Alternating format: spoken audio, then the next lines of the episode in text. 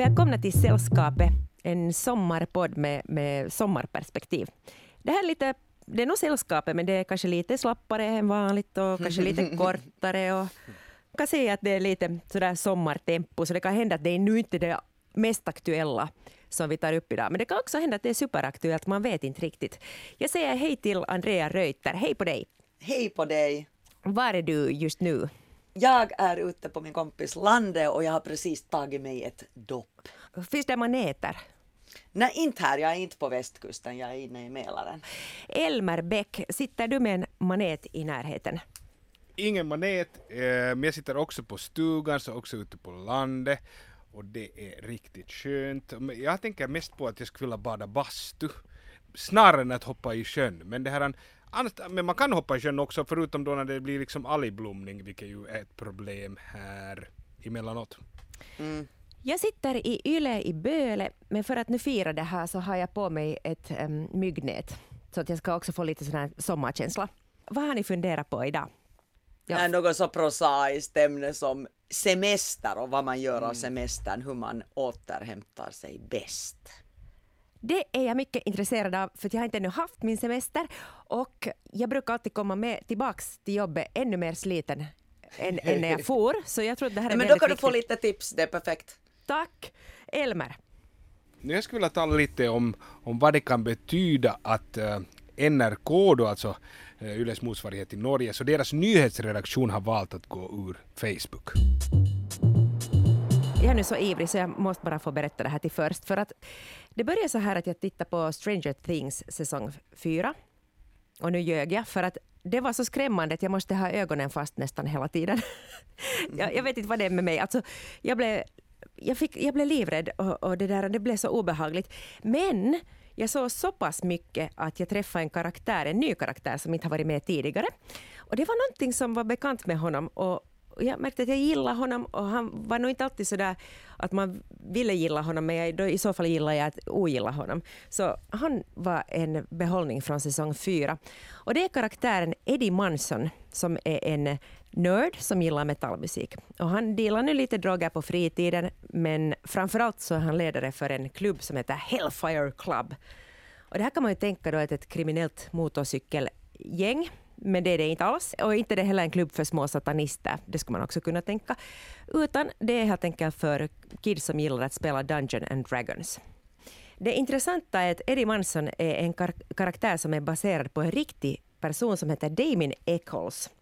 Och Damien Eccles är från The West Memphis Tree. Och nu tänker ni att vad är det för ett boyband? Att det var ju inte så lyckat namn. Men det är helt enkelt det namnet som media gav till tre unga män som anklagades för att ha bestialiskt sexmördat eh, tre pojkar, åtta år gamla. Och de här som blev anklagade för de här morden är Damien Eccles, som då var 18, Jason Baldwin, som var 16 och Jesse Miss Kelly, som då var 17 år. Och det här fallet är mycket intressant, därför för att man hade inte något bevis mot dem. Men man visste att de såg mystiska ut. Och att man visste att de kom från fattiga förhållanden. Och de själva har beskrivit sig som white trash eller trailer park trash. Sen så tyckte de Stephen, om Stephen Kings böcker, mycket skrämmande, och lyssnade på Metallica. Och hör det värsta, vad de gjorde. De hade svarta kläder. No. Jo, och, och det, här, det här kan man ju skratta åt jättemycket. Att hur, hur, hur kan det här nu ha varit så farligt? Det är ju inte något man ska höja på ögonbrynen åt. Men då måste man komma ihåg Satanic Panic, eh, som var stort på 80 och 90-talet. Och vi befinner oss i ett bibelbälte. Memphis. Och, och det här Satanic Panic, det var nu utspritt över hela Amerika, men det handlar helt enkelt om det att man trodde att satanismen var extremt utbredd och att det mesta av ondska som syntes i samhället var på grund av satanism. Eh, en del av det här, jag tror att många kanske kommer ihåg Tipper Gores kampanj mot musikbranschen. Det var inte bara hårdrocksmusik utan eh, alla fick sig lite Hey, jag, måste, jag måste ge ett tips här när du pratar om det. Det finns en, en jättebra podcast som heter You're wrong about som har gjort några avsnitt om Satanic Panic. Vänta, säg, säg, säg en gång till. You're wrong about. Kan du öppna lite, vad handlar den, det låter ju som en intressant podcast, bara vad va, va är det för? Alltså det, det, de tar olika samhällsfenomen och så berättar de hur det var liksom egentligen. Att vad man har liksom missförstått det kring låter det. ju jättebra. Ja, det är otroligt mycket roliga avsnitt om, om alla möjliga Nej. saker. Och i Satanic Panic så det finns också avsnitt där de går igenom en bok som var e- e- en av de som liksom skapas och var skriven av en kristen man som visade sig att vara liksom helt påhittad. Så går de igenom den och den är helt löjlig den här boken men jätteroligt när de, när de pratar om det så.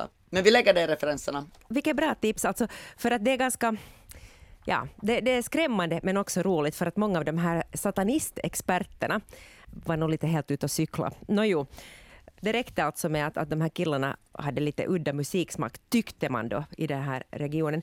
Plus att en av pojkarna, så han hade varit i förhör 12 timmar och eh, efter ett tag eller efter ett tag, 12 timmar pressades han av polisen och, och efter ett tag så han ville bara hem till sin pappa. Och så insåg han att han säger nu vad poliserna vill att de ska säga.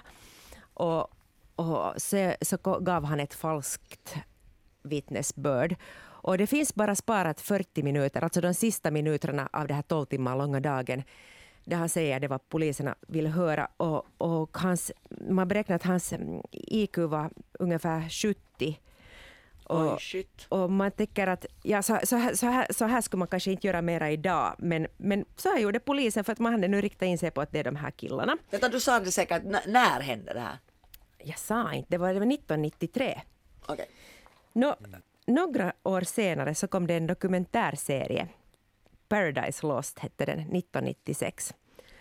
Och det finns massor med dockare och podcast och Men tv-serier. den ska ju vara jättebra den här Paradise Lost. den, är, Jag har många kompisar som har och sista av den. den är jättebra och den är jätte... Den är obehaglig. Alltså man blir som så ledsen och trött och åh vad det är svart. Också de här människorna som medverkar, alltså det är som allt, så mycket miserabelt så allt finns inne i den här, och dumhet finns, finns i den här serien. Och det, ja, det, den här serien grep alltså väldigt många människor och ledde också till att massor med kända människor började aktivera sig och jobba för att de här killarna skulle komma ut ur fängelse. Och det finns ganska speciella namn. no, det kanske inte är förvånande att James Hetfield från Metallica eh, var en av dem som, som jobbade för att de skulle komma ut och skänkte pengar. Sen har vi Eddie Vedder från, från Pearl Jam och Trent Reznor från Nine Inch Nails, Henry Rollins och regissören Peter Jackson och sen en, ett bekant namn också, skådespelaren Johnny Depp. Så alla de här var med och gav stora eh, summor för att pojkarna skulle ha råd med bevisföring och advokat och sånt så att man skulle få ut dem ur fängelse. Men då, kan man också säga att Eccles, så han fick alltså gå rakt i death row Eh, för att man, ins- man tyckte att han var hjärnan bakom det här. Han var äldre än de andra pojkarna och han såg, tyckte man, mest demonisk ut. Så han fick dödsstraff och de andra två pojkarna fick livstid. Och sen är det så att det var ett sexmord och satanistiskt, så det var så att det fattades könsorgan från en av pojkarna. Och eh, då var det ju satanism tvärt. Sen, sen efteråt, de teorier som man pratar om nu är att, att det är djur som har eh, ätit på de här döda kropparna. Och de har också sådana sår. Nå, mm, på tal om det, så, ja, som du sa Andrea, det här Paradise Lost, jättefin serie och det finns åtminstone tre delar, det kan hända att det finns flera. Jag har nog sett dem alla då i tiden när, när den kom. Men varför jag pratar om det här är att jag läste en bok för tio år sedan som faktiskt... Mm, jag brukar, jag, jag brukar nu glömma böcker, om, i synnerhet efter tio år. Men den här boken var så starkt beskriven att jag har aldrig glömt den och det är just den här Damien Eccles bok eh, som heter Life after death. Eh, dödsdömd på svenska och Life after death. Och den här boken den handlar om hela den här processen. Sist och slutligen så blev det så att Eccles satt 18 år i fängelse. Och det handlar om den här hopplösa processen och den här dumheten som visas från jurymedlemmar och domare. Förstås är det här från hans sida av saken. Men det, det som jag tyckte fin, var finast eh, var hans inre landskap som han beskrev. Han blev också buddhist vid något skede. Och det finns hemskt lite eller ingen bitterhet trots att han är då dömt, dödsdömd för någonting som han säger att han inte har gjort. Och, och bevis, det finns inga bevis på att, att han skulle ha gjort det. Så, ja. Sen så en sak som fastnade också var det att han fortfarande har svarta glasögon på sig för att han var så länge i isolering utan ljus, att det var i kolmörker, att hans ögon skadades så att han, han kan inte se mera. Alltså han kan se men han klarar inte riktigt av ljus och sådär. Och sen fick han också artros för att han inte kunde röra sig tillräckligt i den där trånga cellen. Det, det är verkligen mardrömmen att hamna i isoleringscell. Fy fan.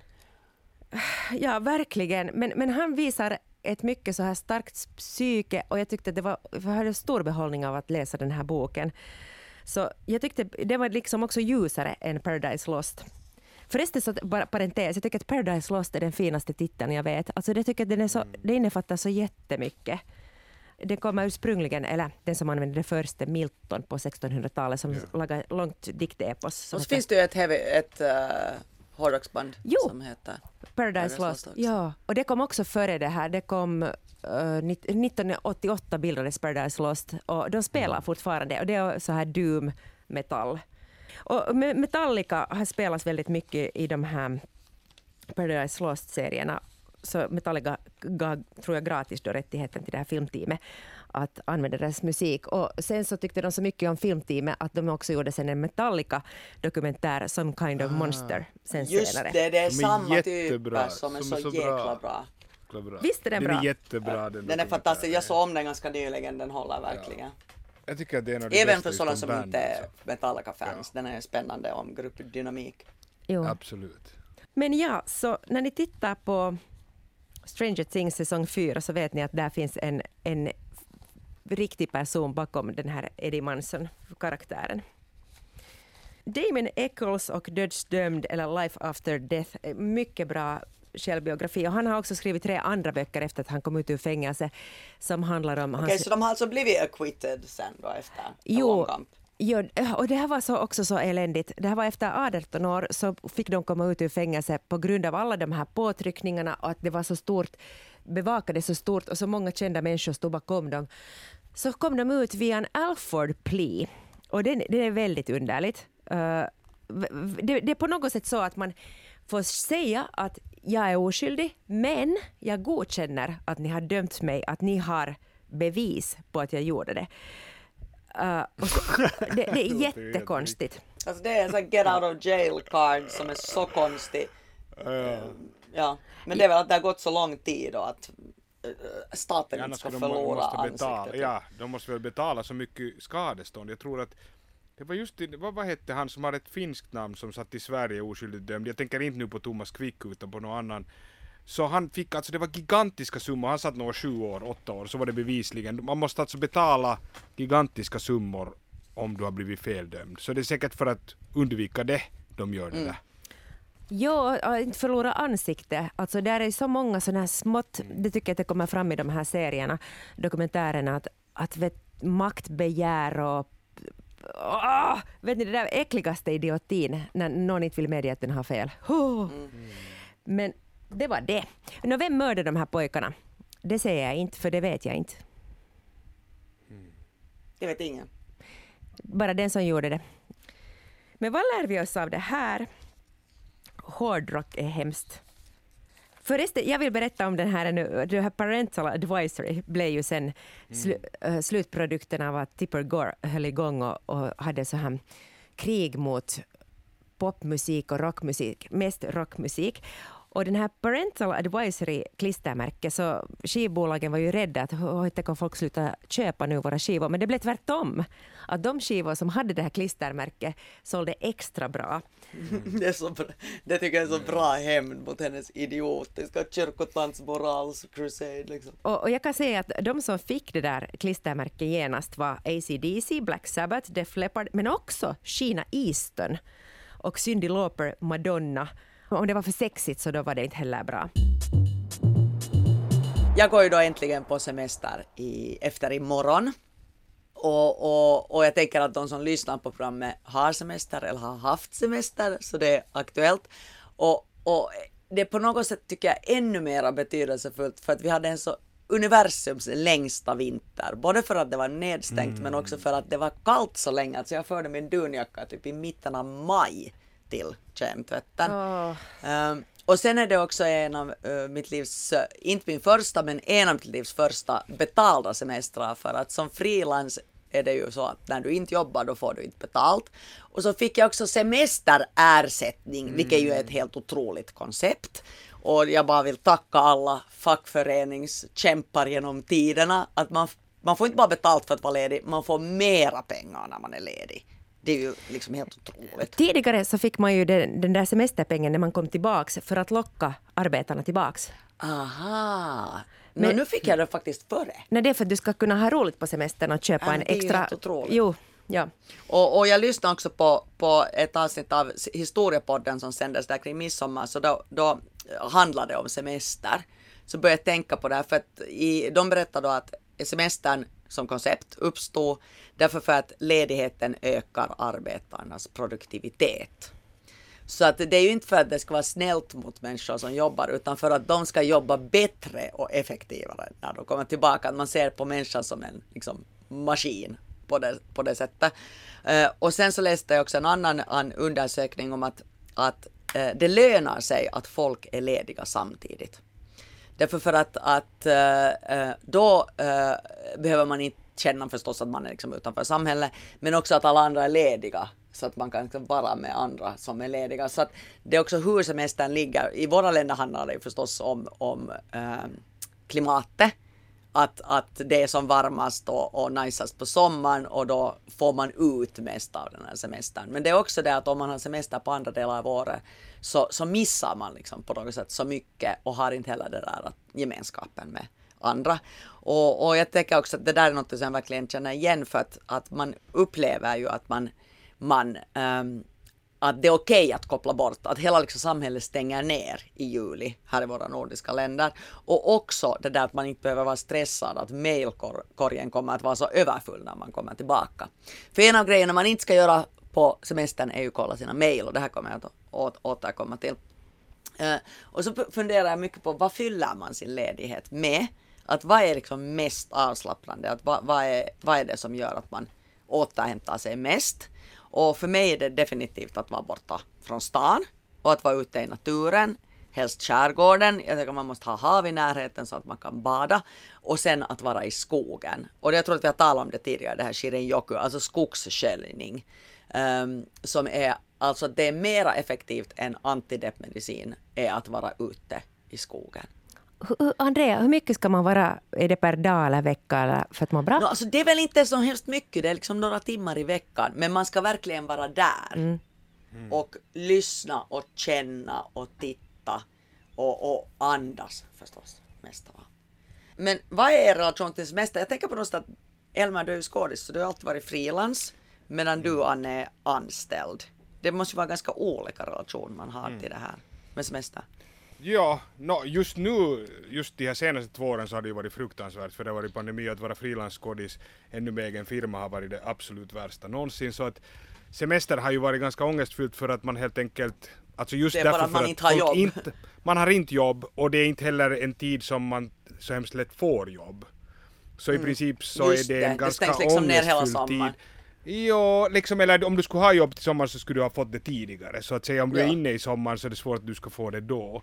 Så att på det viset är det ganska ångestfyllt just för att man inte har, och man har ju ingen, jag har ju aldrig fått det där som du talar om, alltså betalsemester har jag ju aldrig haft i hela mitt liv. Så att det finns ju alltid den här ångesten att du så att säga använder de pengarna som du har Exakt. förtjänat in. Så att den liksom lyxen finns ju absolut inte utan snarare då att då tar jag den här tiden då och liksom gör vad jag gör. Och det är liksom, annars också är det ju det som är jobbigt att man Ja, man är ju aldrig på semester utan man är då arbetslös. Om det inte så då när du har haft det jättetur och du har haft något större jobb som du har fått lite extra pengar in på så du verkligen känner att nu kan jag ta med gott samvete lite tid så att säga. Det goda är ju det just att du kan ta plötsligt semester lite liksom varstans, att det är inte så att det är en, en tid per år. Men, men absolut så Nå, just under senaste två åren har jag nog tänkt på just liksom, har jag ju fått för, alltså serier nackdelarna, de gigantiska nackdelarna som finns med ett sånt leverne som jag lever, speciellt som familjeperson, far. Men eh, ja, så att eh, tyvärr har jag inte de där positiva, men nu kan jag ju njuta av solen ändå. Anne då, har du svårt för att vara ledig? Nå, mycket, och nu känns det här nog super privilegierat och hemskt och bortskämt att säga, men jag har väldigt svårt med semester. Det börjar bli lite, lite lättare ju äldre jag blir och börjar känna mig själv och hur jag fungerar. Men jag har varit lite för förälskad i mitt jobb och sen, för då känner jag mig viktig och behövd. Och sen kan jag ha en tendens att jobba lite för mycket. Så att jag nog blir trött och har ett behov av att åt, återkoppla. Så jag längtar efter semester nog alltid. Lite mindre nu när jag har börjat veta hur jag fungerar. Så det som händer är att så fort semestern börjar så brukar jag bli jätteledsen, alltså sådär supernedslagen och ingenting är roligt. Jag har nog den där listan på allt roligt jag vill göra. Jag måste riktigt skriva vad som är roligt, men sen vet jag inte ens, får jag iväg mig till stranden för jag kan bara bli och ligga bara. Och uh, det var jag försökt... Semesterdepression typ? Uh, jo, jag tror att det gör att jag får tid att tänka då och tänka att vad är mening, meningen med livet? Det, det tycker du inte om? Nej, verkligen inte. Och jag har märkt att jag mår bäst om jag lite piskar och plågar mig själv, så då efter det kan jag koppla av. No, det här låter ju jättehemskt, men så är det nu för tillfället. Jag, jag utvecklas och no, i framtiden är det kanske annorlunda. Men jag har gjort så att jag försöker ta semestern in i jobbet istället. Att jag slutar längta efter semestern och försöker ordna mitt arbete så vettigt och, och sådär lugnt. Att jag försöker att inte jobba för mycket så att jag inte har det där mm. behovet av semestern. För att det är hemskt att komma tillbaks från en hemsk semester där jag bara har plågats och lidit. och jag är ju inte alls utvilad, jag är besviken på mig själv. Att varför, och klankar ner, att varför gjorde jag ingenting? Och, ho, ho. Så, mm. så det, det, har inte funkat så bra. Men det blir, det blir bättre. Och jag tar också gärna lite kortare semester, semestrar och planerar in aktivitet i förväg som jag inte kan backa ur så att jag inte sen bara blir och ligga någonstans. Okej, okay, du gör liksom enligt de här tipsen jag har läst på om gör du kanske lite fel. Ja, uh, ja det kan hända för det, det funkar inte så bra ännu. Ja, och det finns ju massor av sidor med så tips hur man ska göra för att återhämta sig uh, uh, under semestern. No, en sak gör du då rätt, alltså att man ska trappa ner innan. Man ska försöka liksom att inte vara så fullt in i kaklet innan. Men, men um, man, man ska också liksom försöka att inte, alltså det som jag tycker egentligen, uh, nu ska jag dra en lista, det är bara fyra grejer. Um, för det var en stressforskare som tipsade om det här, så jag tänkte att här vet någon som verkligen liksom vad de har på med. Först var sov så mycket du har lust med. Mm. Det älskar jag. Mm. Att inte liksom ha dåligt samvete för att man sover. Sen planera inte för mycket, för planering kan orsaka stress. Mm. Så där kanske du ska fundera på det där. Sen uh, gör det motsatta mot vad du brukar göra. Så om man är jätteaktiv på jobbet ska man vara passiv på semestern. Och om man till exempel som jag sitter mycket framför datorn på jobbet, då ska man röra på sig på semestern. Och gör, ja till exempel vet du, måla någon grind eller vad man nu håller på med, men liksom göra något som, som skiljer sig från det man gör normalt. Och sen då viktigast av allt, skapa kommunikationsfria zoner. Så stäng av mobil och mail. Och det här tycker jag verkligen att funkar. Sen har jag läst en annan undersökning om att eh, kolla mail. Att liksom kolla mail bara någon gång kan liksom set you back en vecka mm. av semesteråterhämtning. Så om du tänker sådär, jag ska bara kolla lite mail, så blir du så pass uppstressad att du egentligen skulle behöva en vecka längre semester. Och då tänker jag att då hamnar man ju i någonting där man skulle behöva någon slags ett års semester. Så det är bara att låta bli får jag flika in där bara för det var roligt bara när jag tänkte när, när någon läste om, om sömn också så sa de just att, att om du har sömnproblem så när du ligger i sängen du får inte titta på klockan för det är samma sak att när du tittar på klockan för att den är kopplad till den här stressen mm. så blir du så, bara för att du ser den, är ingen skillnad vad den här mm. klockan säger så Nej. sätter du igång stressen så högt att du absolut inte kan, kunna, mm. kan somna igen på två timmar. Så jag tror att det är samma med den här mailen, det sätter igång, jag förstår vad du menar, det sätter igång hela det bagaget. Ja. Men, Hela liksom ja. systemet. Men, men vet ni vad jag läste? Att för vissa människor så kan det vara den där ångesten att du går och grubblar att vad månne det har kommit dit i, i e-posten vara större än det där som du får när du faktiskt öppnar den och kollar vad mm. det har mm. kommit. Men jag tänker, vad kan det hända som är så jäkla viktigt? Hur ser ditt auto, mitt auto svarar sådär, jag är på semester, om det är sjukt viktigt kan du liksom skicka ett meddelande till mig. För då tänker man att om det är något sjukt viktigt, då skickar de det där mest. Ja, men så, så, mm. ja, ja, att de skickar mess, men så, går jag alltid li, så måste man vara livrädd att tänk om det kommer nu, då vet man att det är sjukt viktigt och nu är det sparken nästa. Men hur, hur viktigt kan det liksom vara? Det är ju inte som att vi jobbar med att rädda liv. jag är en mycket viktig person här. Ja, no, okej, okay, du kanske är en viktigare person. Jag anser också att jag är helt oviktig under sommaren. Nej, nej. Uh, och sen det där med att lämna bort mobilen, alltså Eh, jag brukar då tillbringa midsommar, jag har talat om det tidigare med, med ett gäng kompisar. Och då har jag alltid min telefon och ligga bara i någon stuga. Så att man kan vara så här, om någon dåre hör av sig från yttre världen ett och ett halvt dygn senare och säger något mest aj jo, aj sorry. Att jag tycker det är så avslappnande det där att inte ha sin telefon med sig. Mm. Att det i sig är någonting. För att det är så annorlunda än ens vardag när man hela tiden liksom har koll och svarar på grejer. Men Andrea-. Andrea, då måste det vara så att dina kompisar också lämnar bort sina mobiltelefoner? Ja, ja, ja. ja. ja okej. Alltså det är liksom som att, att den yttre världen inte existerar. Ehm, och sen, nåja, lite mera tips. Ehm, varva aktivitet och lugn. Okej, för att vara försiktig med skärmtid, det talar vi redan om. Sen, obs! Inte jämföra sin semester med andras på Insta. Mycket viktigt. Och sen att prata ihop sig med de som man ska semestra med innan, så att man har liksom koll på vilka förväntningar liksom, man har och de har. Så att det inte Ah, clashar. ja, någon vill bara ligga på beachen medan någon vill liksom kolla på alla bygdegårdar i, i närheten. Alltså. Och sen, det bästa enligt mig av, av den här tipslistan var man ska vara närvarande i nuet. Mycket stress skapas av våra tankar kring det som varit eller vad som komma skall. Och det här är ju lättare sagt än gjort. Men det här tänker jag att man ska arbeta på. Jaha, nu är jag här. Hur känns sommarbrisen? Är den här boken spännande eller inte? Alltså att inte hålla på och tänka ah, jo i augusti ska jag göra det och det och det och det och det och det, och det. Utan verkligen försöka ta stunden som den kommer. För att i nuet är allting okej. Det är ju det här basic mindfulness. Ja. Sen bara en sak till, att doppa sig mycket. Det, det tänker jag. M- Många, många dopp. Och eh, om man har möjlighet, och nu vet, fattar jag ju att det är också privilegierat att kunna vara på landet. Men alltså om man är det, det sägs, ju att om man sitter i datorn ska man stiga upp i fem minuter och lite gå omkring varje timme. Jag tänker att på landet ska man doppa sig varje timme. ja, det är nog... Speciellt innan algerna kommer. Obs! Jag tänkte lite fundera på det här med, med sociala medier ur den synvinkeln att, att NRK, alltså då, då, då, då, då Yles motsvarighet i Norge, så den första juni 2022 så meddelade de då att, att nyhetsredaktionen går ur Facebook och de hade då vid det laget en halv miljon följare. Så det var ett stort beslut och, och Espen Olsen Langfelt, alltså nyhetsredaktören på NRK, sa så här. Han säger Eh, dialogen med allmänheten är för viktig för att vi ska överlåta den till Palo Altos algoritmer. Vi ser att det offentliga samtalet som skapas genom Facebook har ett begränsat värde och man kan ifrågasätta vad kom- kommentarsfältet tillför det norska samhället i form av positiva värderingar, säger han då.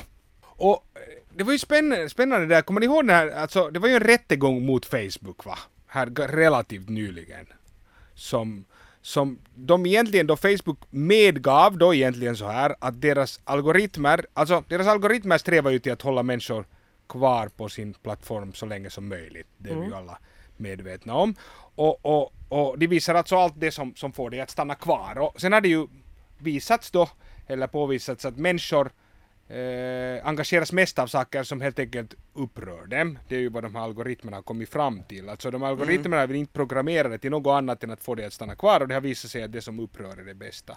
Så att eh, Facebook egentligen då upprör så mycket de bara kan. Och det betyder ju också att, att Facebook då helt enkelt sprider då de mest polariserande nyheterna av vad de här nyhetssajterna då sätter ut. På Facebook så sprids ju då det som mest polariserar för att det får ju folk då att stanna på Facebook. Så att det, det betyder ju att... Ondska!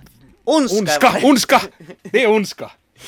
Eh, Nå kanske det är just den banala ondskan att det inte ens är ut, alltså det är väl just det vad det är, att, det, att de har gjort algoritmer, de vill ha bara det där och så visar det sig att det värsta är att, att skapa typ världskrig, men, men, men det var nu inte det vad vi tänkte, men om det nu är det så då, så länge vi gör pengar, alltså det är väl, på ett sätt är det väl just den banala ondskan. Jag tänkte på det faktiskt, att det är ju just det som är ondska, men det är just sådär att det är inte liksom tänkt så, så därför, därför händer det på något sätt. Men vänta, vänta, känner ni igen er i den beskrivningen att ni vill konsumera sånt som gör er upprörda?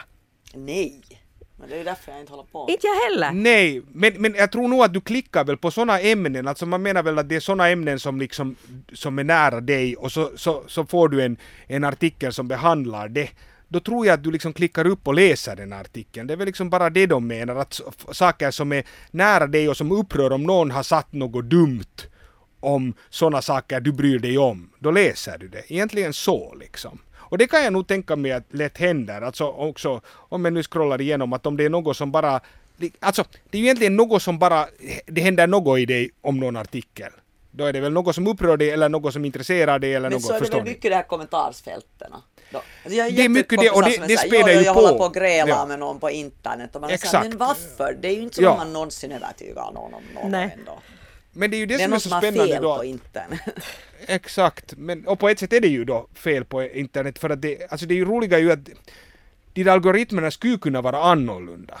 Och det är ju liksom det som är, är grejen att just att om nyhetssajterna, vare sig de då vill eller inte, så, så då är de ju med och, och skapar den här polariseringen bara för att den finns på de där plattformarna. Och därför tycker jag det är liksom ganska fräscht att NRK då helt enkelt säger att nej, vi tänker inte vara med här.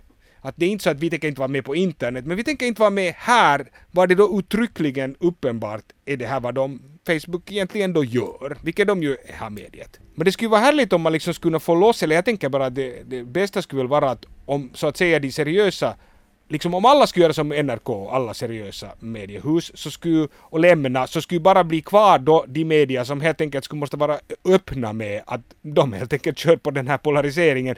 Då skulle jag tro att liksom, eller jag skulle hoppas, att i alla fall de som då skulle vilja ha mer seriös media skulle liksom inte läsa sin då där. Jag tänker att det skulle kanske kunna vara bra. Det är säkert inte så här enkelt, jag förstår att det är inte så här enkelt och säkert är det massa grejer och ekonomiska också och kanske man då inte når alls de där människorna som blir kvar på de här. Jag förstår att det här är problematiskt men jag tycker också att det, det är liksom lite obehagligt så som det ser ut nu för det känns ju som att nyhetssajterna sitter liksom lite i ett skruvstäd fast där och liksom kastar bensin på brasan vare sig de vill eller inte känns det som. Mm. Jag jagar lyssnare och tittare och läsare. Men, men också de här clickbait-rubrikerna kanske hör Ja. hit också. Ja, och där tänkte jag gå in. Det var intressant. Jag läste en artikel av Janne Vass i Ny Tid som var den 21 juni. Och, och, och han, han skrev om det här som jag tyckte var intressant. Han skrev bara om det här att hur vänstern alltså ofta, ofta beskylls för att bara då sysselsätta sig med identitetspolitik. Och han menar att, att det här att det talas mycket mera om att vänstern bara talar om identitetspolitik än vad vänstern faktiskt liksom talar om identitetspolitik. och, att, och att han använder som exempel den här Afrikastjärna Gate. Kommer ni ihåg den? Det var alltså några studerande vid Helsingfors universitet som klätt ut sig då till rövarna i Afrikas stjärna under en gulnäbbsintagning och så hade de tagit foto på det tillsammans med det här Afrikas stjärna-spelet. Och så var det då en, en, en utbytesstuderande från Tyskland som hade sett det här och, och, och, hon ansåg då att det var rasistiskt och hon laddade upp det på nätet och sa att det här är rasistiskt och att det här spelet borde tas bort från affärshyllorna. Nåja, så blev det liksom jättestort rabalder i, i, i framförallt media. och det konstaterades liksom gång på gång också att, att vänstern är så galen, för det här är sen vad de går igång på. Och då bevisar han då, eller han går då igenom det när Janne Vass mest utgående från Twitter och liksom då som vänsterpolitiker sagt att det liksom egentligen är ganska tyst från så att säga den officiella vänstern om det här och att det mera skrivs just artiklar om hur vänstern har gått igång på det här.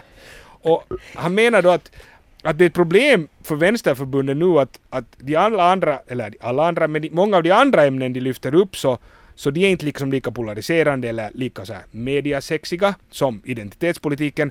Och därför blir det liksom den här bilden vi, vi får är att vänsterförbundet bara talar om identitetspolitik för att enda gången de lyfts upp är när de talar om identitetspolitik.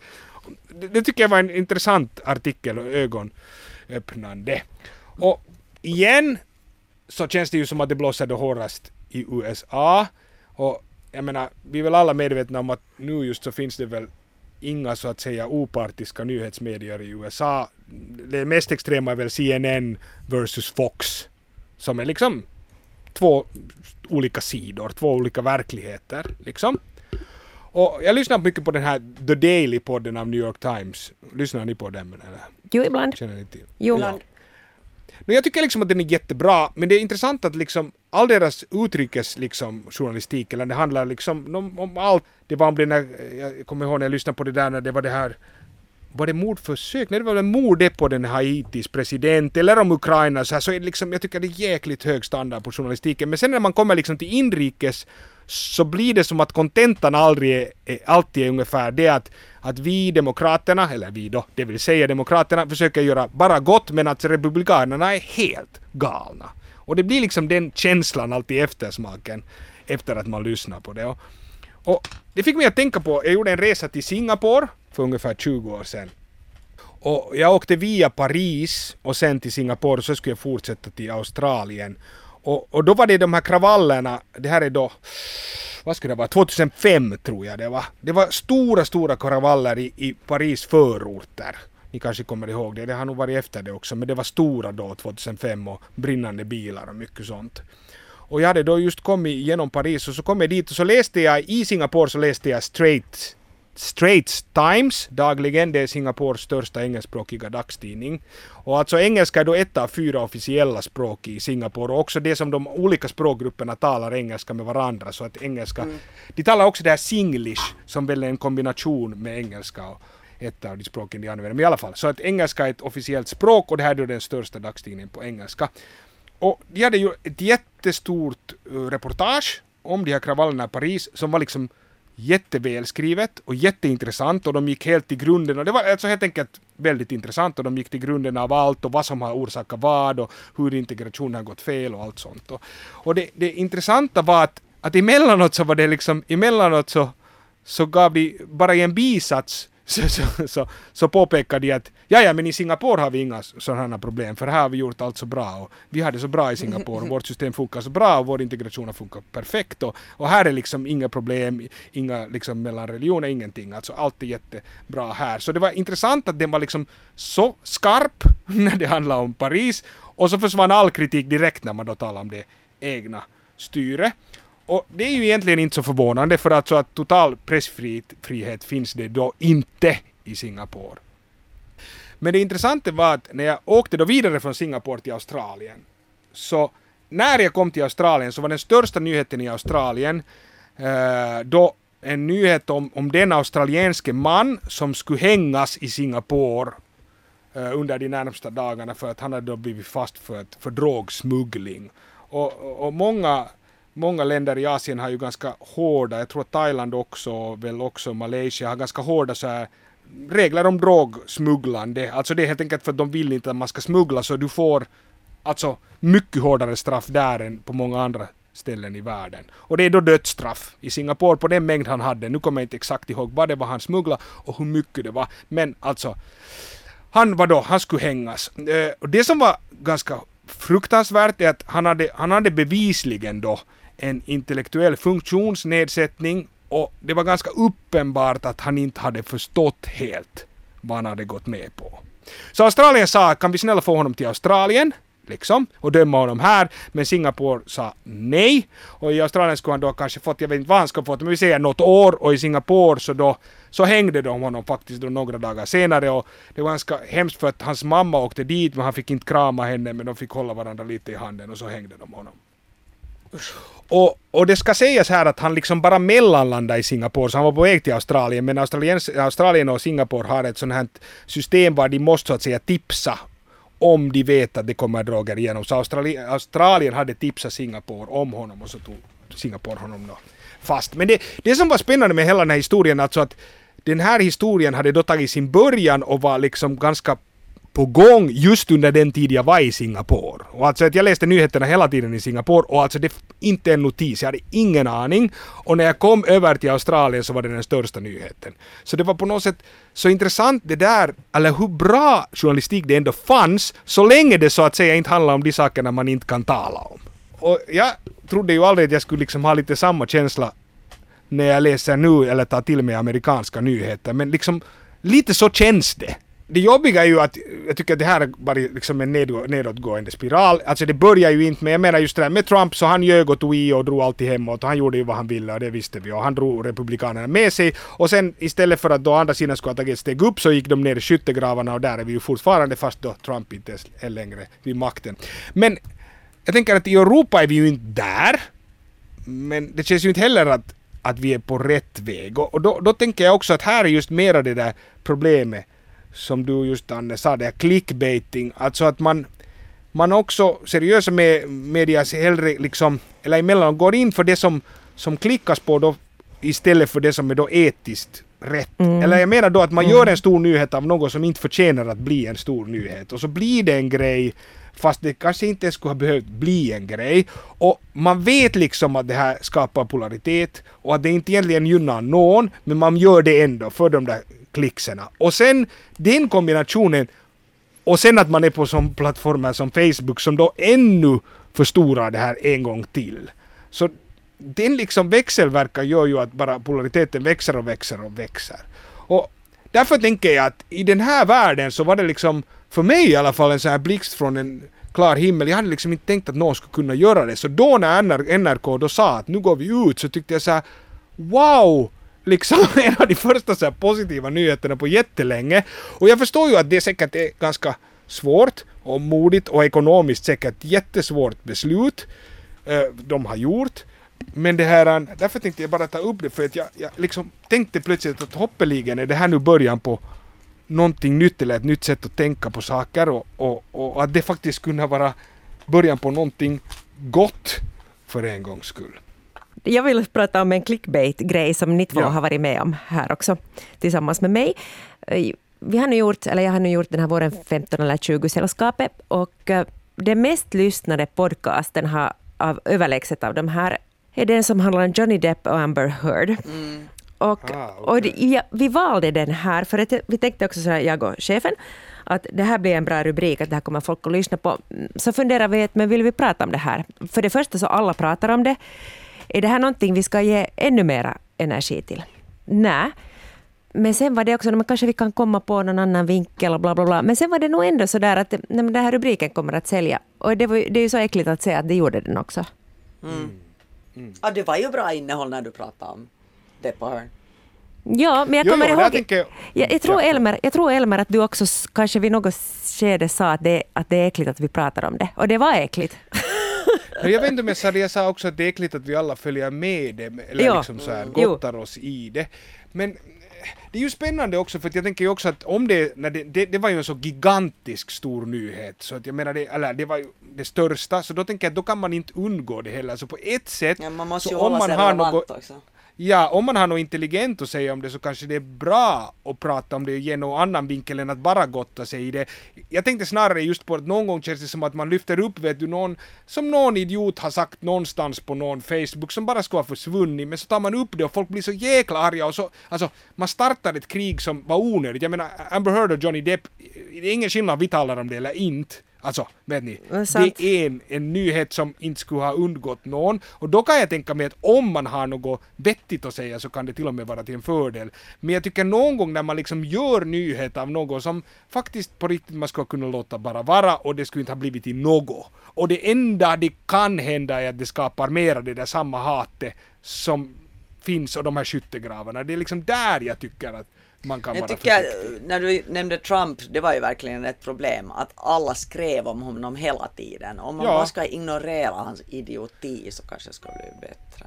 Men det säger de väl också att det var jättebra för alla, för alla nyhets, alltså i, i USA, de hade gått ner och ner och ner och, och med ja, ja, Trump så gick de upp, fanns det något alltså, som kunde skriva om som Ja, och det där är väl just att hur funkar liksom idén att om det är så att man egentligen just vill bara göra pengar så då var ju Trump bra också, just för, just kanske inte vet jag speciellt för dem, men för alla. Alltså, det var väl det han var bäst på. Han gav verkligen det åt. Nyheterna blev liksom in igen så att säga med honom. Sant. Men vad är priset? Det är ju det. Mm, vad är mm, priset? Sant. Men kan vi nu bara göra så att vi bara inte klickar, dem, eh, klickar på dem? Men jag måste säga att jag, det, ja. att jag, kan, jag följer uh, kontroversiella människor och obehagliga människor för att när det pratas så mycket om den där bubblan så är jag också för rädd att, jag är för mycket inne i min trygga sköna bubbla där folk har vettiga åsikter och är smarta och vänliga och kärleksfulla. Att ibland så tänker jag att, jag, att det, är det, min skyld, eller det är väl min skyldighet att titta ut också.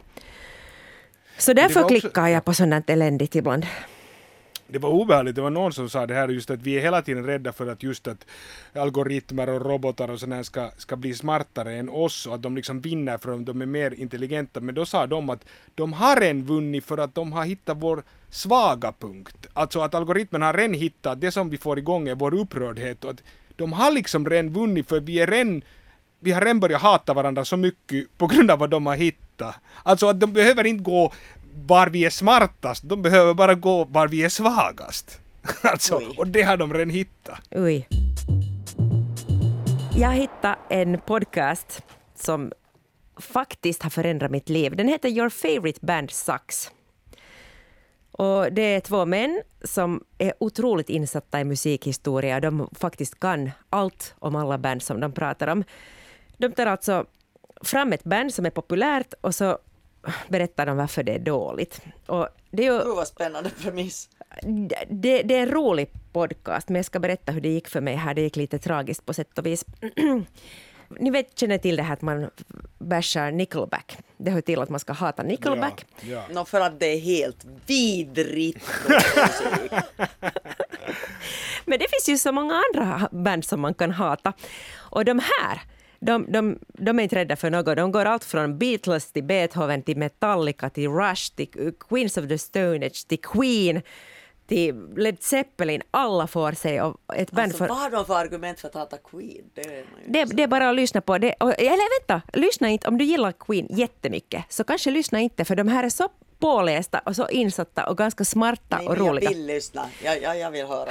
Lyssna om du vågar. Vet du, och jag kollar för Men Andre... det finns väl ändå inte om ABBA? Nej, för din skull så kollar jag det. Att finns ABBA här och ABBA fanns inte där. Yes! Men faktiskt, de har hållit på sedan 2017 så det, ABBA fanns inte. No, jag hörde om den här podcasten så började jag lyssna. Så lyssnade jag först på det här om BTS.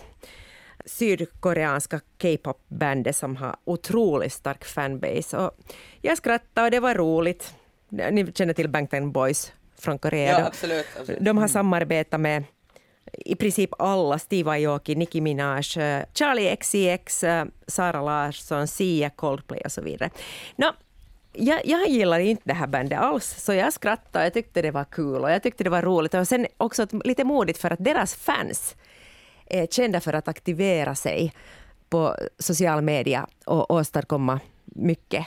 Så jag tänker sådär att, åh, att vill man ha nu deras fanbase efter sig? Men de här killarna i, i den här podcasten tyckte att ja, det, det, får vara, va- det får det vara värt att de måste berätta om varför det här är så dåligt.